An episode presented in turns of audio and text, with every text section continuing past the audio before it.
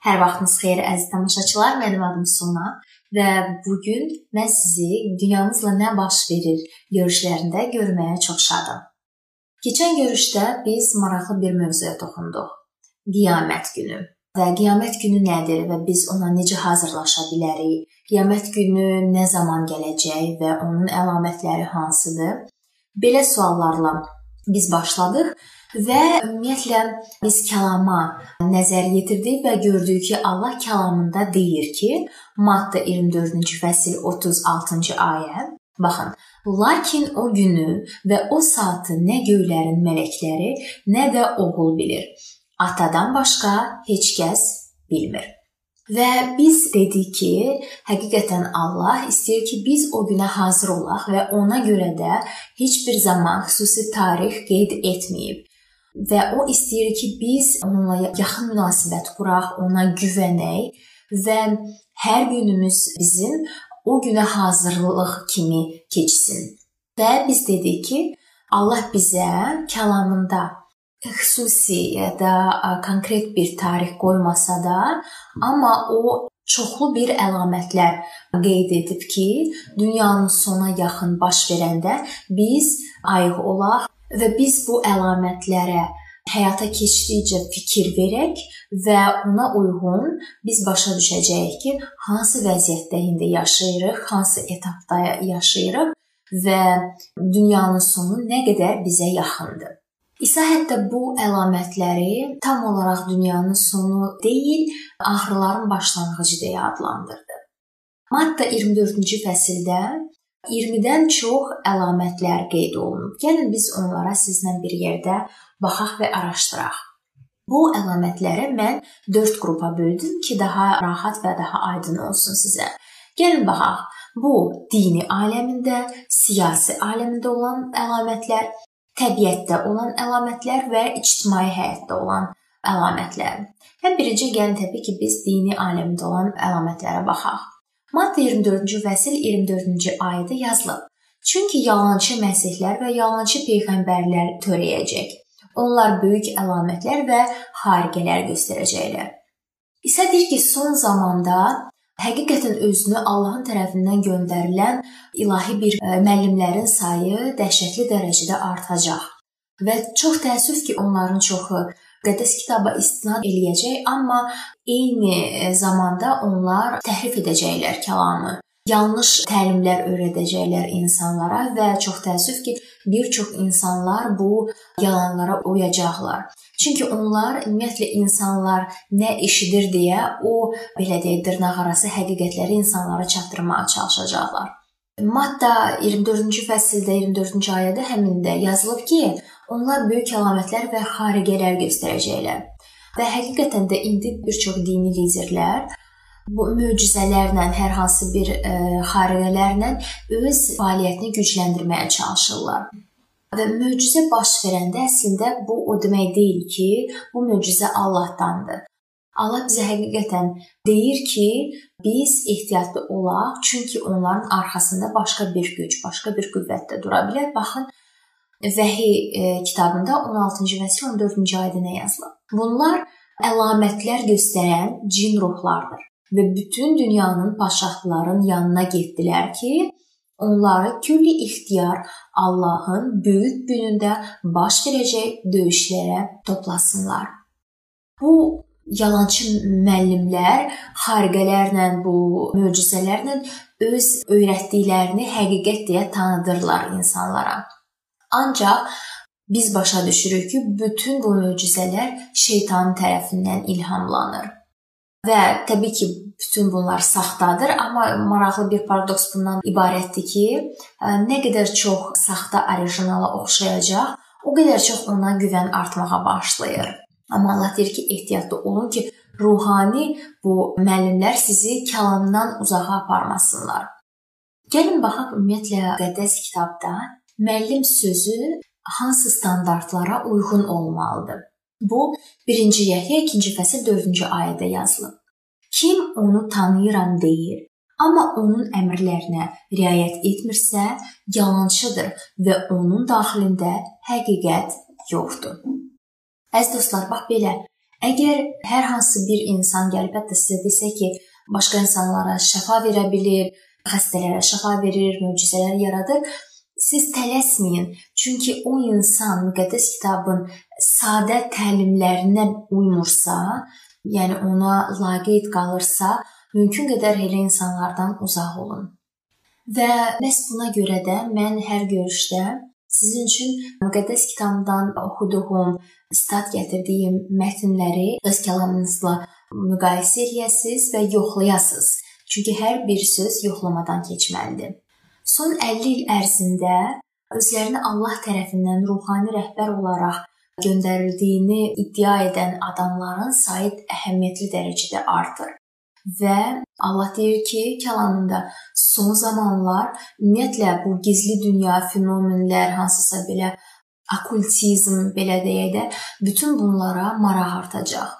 Və biz görürük də həqiqətən də okkultizm üzrə kitablar, jurnallar, filmlər, televiziyada proqramların sayı çoxalır və bu kifayət qədər aktual olmağa başlayır. İnsanlar falçılara müraciət edirlər, okkultistlərə müraciət edirlər və bütün bu məsihçilər və yalançı peyğəmbərlər dünyanın sonunun əlamətlərindən biridir. Gəlin indi baxaq siyasi aləmdə olan əlamətlərə. Matta 24-cü fəsil 6 və 7-ci ayədə belə yazılıb. Siz müharibələr və müharibə xəbərləri eşidəcəksiniz. Çünki millət millətə, padşahlıq padşahlığa qarşı çıxacaq. Burada Allah bizim fikrimizi xalqlar arasında münaqişələrə, müharibələrə yönəldir. Bizim ətrafımızda gördüyümüz həqiqətən hadisələr öncədən, yəni bizə deyilmişdi əslində. Siz təbii ki, məndən soruşa bilərsiniz ki, tarixdə görəsən, yəni yox idi bundan qabaq müharibələr və əgər tarix boyu hər zaman müharibə olubsa, bu vaxta qədər də müharibəni dünyanın son əlaməti olaraq qeyd etmək nə qədər məntiqlidir. Gəlin mən sizə belə deyim. Diqqətlə oxuyaq. Siz müharibələr və müharibə xəbərləri eşidəcəksiniz. Burada görürsüz ki, müharibələr cəm şəklində istifadə olunub. Bu o deməkdir ki, son zamana yaxın bütün dünyada millətlər arası münaqişələr baş verəcək. Başqa sözlə desək, söhbət dünya müharibələrindən gedəcək. Biz indi 21-ci əsrdə yaşayırıq, amma nəzər salsaq 20-ci əsrə biz görə bilərik ki, o ən qanlı əsr idi. Bir sosioloq hesablayıb ki, baxın dostlar, 20-ci əsrdə 165 müharibə olub ki, Onların hər birində 6000-dən çox insan həlak olub. Bu müharibələrin 5-də 6 milyondan çox qurban gedib. Yalnız müharibələr nəticəsində 180 milyon ölüm olub. Baxın 21-ci əsrdə İraq, Afqanistan, Ukrayna, Belarusiya, Suriya, bizim ölkədə Azərbaycan kimi, yəni müxtəlif ölkələrdə yerli qarşıdurmalar baş verir və bunlar onların yalnız bir neçəsidir.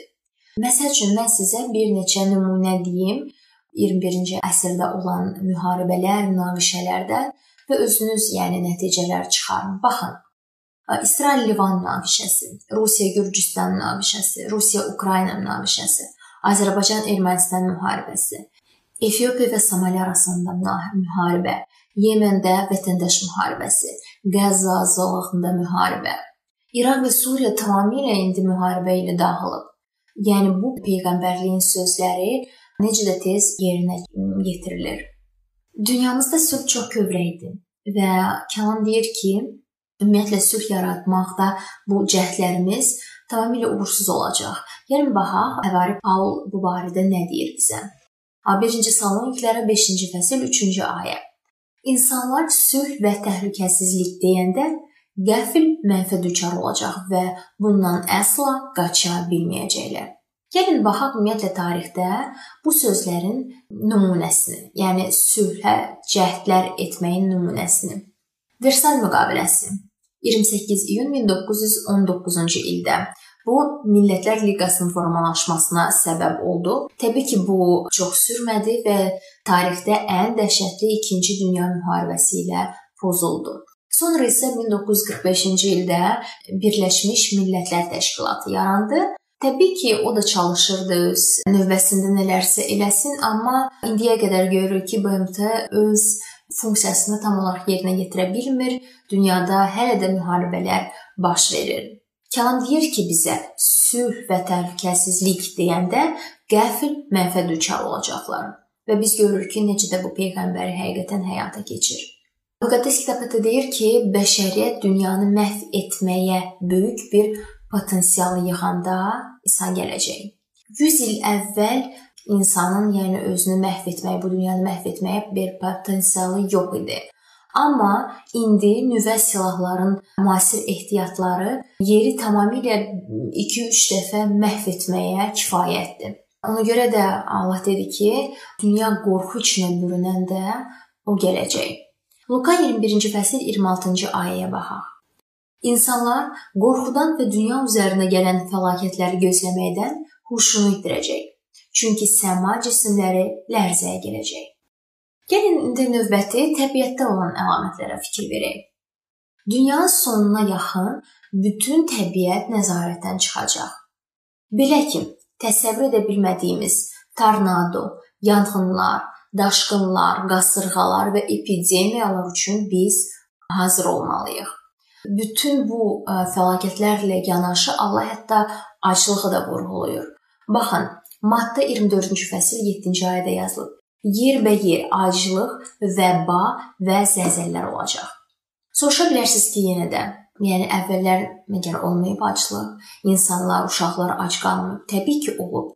Amma diqqətlə oxusaq, burada yazılıb ki, yerbəyer aclıq. Bu artıq deməkdir ki, bu aclıq qlobal, yəni ölkələr arası masştabda aclıqdan gedir söhbət və yəni heç vaxt görmədiyimiz bir aclıqdır və dünyaya baxsaq, görə bilərik ki, bu peyğəmbərlik də həyata keçməyə başlayır. Artıq pandemiyaya görə bir çox ölkələrin iqtisadiyyatı çöküb, işsizliyin sayı çoxalıb və daha çox insan ac qalıb.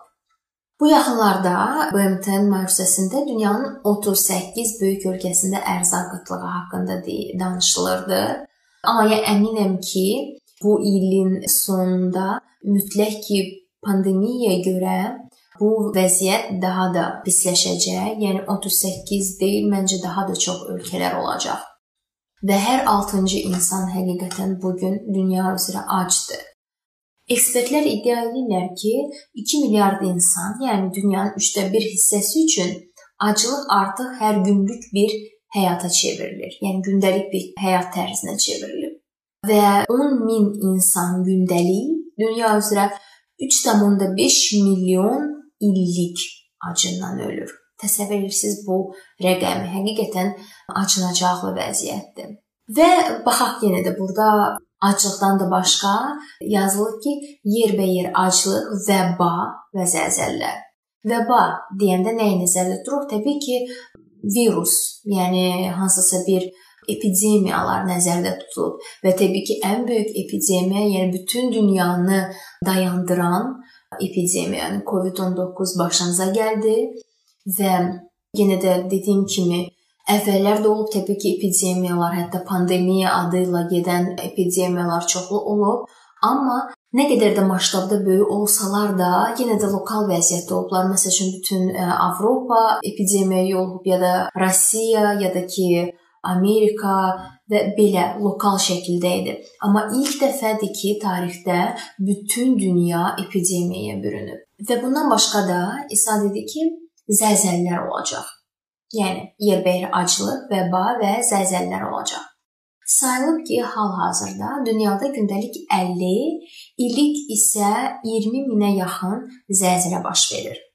Yeni minilliyin əvvəllərindən zəlzələlərdən və onunla bağlı tsunamilərdən 800 mindən artıq ölüm qeydə alınıb. Luka 21-ci fəsil 11-ci ayədə belə yazılıb.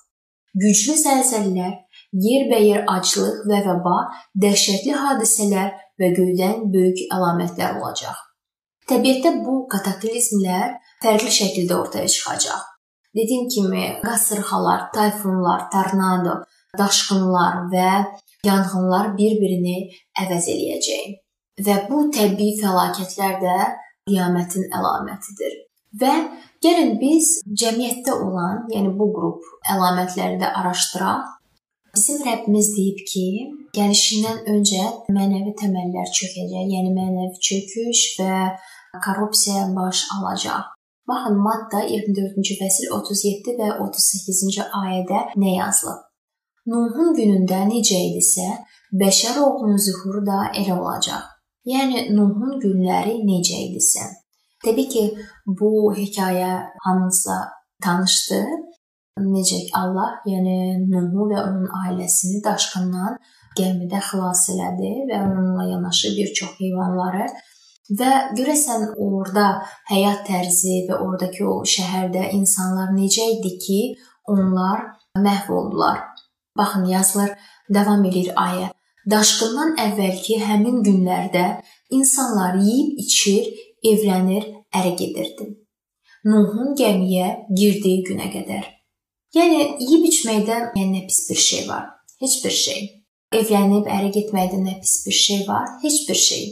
Amma burada ümumiyyətlə egoist, Allahsız insanları təsvir etməyə çalışır kəlam.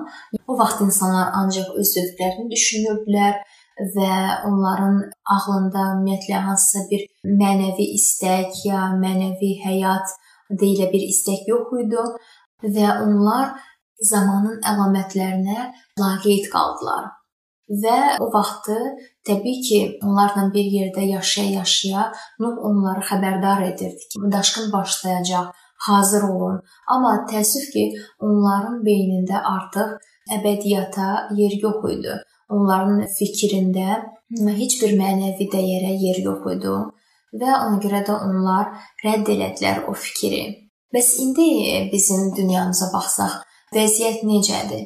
Yəni boşanmaların sayı həqiqətən günü-gündən artır, cinsi əxlaqsızlığın sayı artır günü-gündən və ümumiyyətlə ailə institutu dağılır belə deyək. Çünki 20-ci əsrdə bəlkə də ailə institutu daha möhkəm təməldə qurulmuşdu, amma indi yavaş-yavaş demək olar ki, hətta yavaş-yavaş da deyil, yəni xeyli çöküb və hansısa mənəvi, ruhani şeylərə insanlar qeyri-ciddi yanaşırlar. Nuhun günlərində olduğu kimi biz cinayət və şiddət artdığı bir dünyada yaşayırıq. Baxın, Yaradılış 6-cı fəsil 11 və 12-ci ayədə bu barədə belə yazılıb. Ancaq Allahın önündə yer üzündəki insanlar pozğunlaşmışdı və dünya zorakılıqla dolmuşdu. Allah yer üzündəki insanların daha da pozğunlaşdığını gördü, çünki dünyadakı bütün bəşər yolunu azmışdı. Nuhun günlərində Allah dünyanı daşqını ilə məhv etdi, çünki o zorakılıqla dolu idi.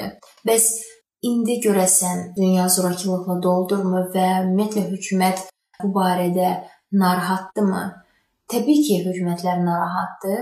Baxın, məsələn, Ümumdünya Səhiyyə Təşkilatı 2014-cü ilin hesabatında qlobal şiddət problemi və onunla mübarizə aparmaq üçün həyata keçirilən tədbirlər haqqında şok məlumatlar verib.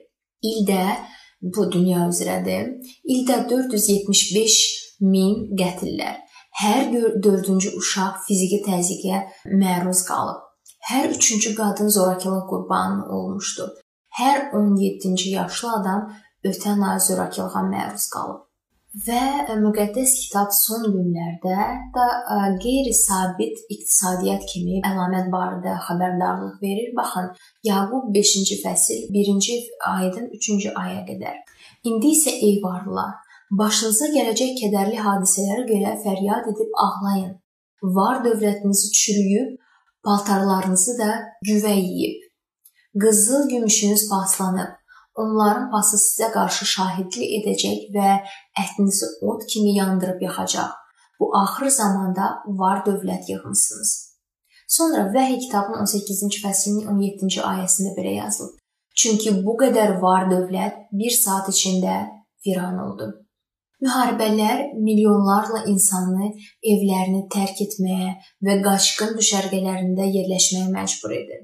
Fond bazarları çökməyə davam edir zəlzələlər, tsunami, qasırğalar, tayfunlar, daşqınlar, yanğınlar və tornadolar evləri, müəssisələri məhv edir.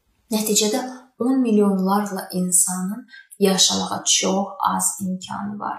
Hətta bəlkə eşitmiş olarsınız, bu yaxınlarda Türkiyədə İzmir şəhərini sel basdı, sonra Türkiyənin Hatay şəhərini yanğın almışdı və keçən il Avstraliya, bütün Avstraliya yanırdı və həqiqətən bu hadisələr bizi ciddi şəkildə həyatımızı, gələcəyimiz barədə düşünməyə vadar eləyir. Çünki əlamətlər həqiqətən həyata keçir. Gəlin biz dediyimiz, sadaladığımız əlamətlərin üstündən keçək və xatırlayaq. Birinci, yalançı İsa'lar və peyğəmbərlər olacaq. İkinci, müharibə və müharibələr haqqında şayiələr gedəcək. Sonra sülh barədə bəyannəmələr vaxtında olacaq, amma ortada heç bir sülh olmayacaq. Biz bunu da görürük. Sonra aclıq, epidemiyalar, zəlzələlər, cinsi əxlaqsızlıq, dağılan ailələr, yer üzünü bürüyən şiddət, və qeyri-sabit iqtisadiyyat. Bütün bu əlamətlər həyata keçib artıq. Amma bu dünya tarixinin ən son günlərində yaşadığımıza dair hər hansı bir şübhəni aradan qaldıran daha bir əlamət var. Bu da bütün dünyaya müjdəni təbliğ etmək. Mattanın 24-cü fəslində verdiyi İsa'nın tezliklə gəlişinin son əlamətidir. Gəlin baxaq Matt 24-cü fəsil 14-cü ayədə belə yazılıb. Səmavi padşahlığın bu müjdəsi bütün millətlərə şahadət olmaq üçün bütün dünyada vəz ediləcək. O zaman hər şeyin axırı gələcək. Və eynilə Vəhiy 14-cü fəsil 6-cı ayədə də yazılıb ki, mən göyün ortasında uçan başqa bir mələk gördüm. O yer üzündə yaşayanlara, hər millətə, hər tayfaya, hər dilə və hər xalqa yaymaq üçün əbədi bir müjdə gətirdi. Və kitabında isə deyir ki, bu son əlamət sayəsində sona çatdığımızı öyrənə bilərik. Bütün dünyada sürətlə yayılan müjdə sonun əlamətidir. Və bu da e, yerinə yetirilir. Nəyə görə? Çünki həqiqətən indi internet vasitəsi var, radio, televiziya və bu kanallar vasitəsilə həqiqətən məsələn hətta bizim sizinlə bu görüşlər də əlamətlərindən biridir, çünki biz Allahın kəlamını sizə çatdırmaq istəyirik. Allah həqiqətən fərqli yollarla, yəni bütün yollarla insanlarla işləyir və öz xüsusi işini görür. Ümumi qlobal tarixə baxsaq, bəşəriyyətin tarixinə, həqiqətən dünyanın sonuna bəlkə də anlar qalıb və Allah bizi bu günə həmin o günə hazır etmək istəyir. Əziz dostlar, mən bu sualı özümə də verirəm və sizə də verirəm. Görəsən biz dünyanın sonuna, həmin o Allahla olan zaman o şərəfli günə və ya Allahsız olsaq, o həmin o qorxulu, vahiməli günə biz hazırıq yoxsa yox? Əgər siz də həmin günə hazır olmaq istəyirsinizsə, və həyatınızı Allahla birgə davam eləmək istəyirsinizsə, mən sizi dəvət edirəm ki, biz bir yerdə dua eləyək. Gözəl Allahımız, sən önünə gəlirik bu gün və sənə minnətdarıq ki, sən bizə bu əlamətlər vasitəsilə dünyanın sonuna hazır eləmək istəyirsən, ata. Və çox sağ ol ki, kəlamın vasitəsilə bizimlə danışırsan və dua edirəm o insanlar üçün ki, sən onların ürəklərinə toxunasan, sən özün onlara kəlam vasitəsilə özünü açasan və həmin gün gələndə onlar qorxu yox, sevinc içində olsunlar və həmin günə səninlə bir yerdə hazırlaşsınlar. Və bu görüşlər üçün sənə minnətdarıq ki, sən özün fərqli vəsaitlərlə, fərqli fərqli yollarla insanlara özünü çatdırmaq istəyirsən. Və mən dua edirəm ki, sən özün o insanların həyatlarında, o insanların qəlbində izzətlənəsən. Bütün bunlara sənin gözəl və müqəddəs isminlə dua edirəm və istəyirəm. Amin. Əziz dostlar, bununla bizim bugünkü görüşümüz sona çatdı. Və mən sizə yenə də təkrar eləmək istəyirəm ki, əgər sizin hər hansı bir sualınız və ya görüşümüzlə bağlı hər hansı bir maraqlı fikriniz varsa, təbii ki, siz də bizimlə bölüşün, şərh yazın ya da ki, bizim mesaj qutumuza siz öz qeydlərini edə bilərsiniz. Sizlərlə növbəti görüşümüzdə görüşmək ümidi ilə sağollaşıram. Sülhlə qalın.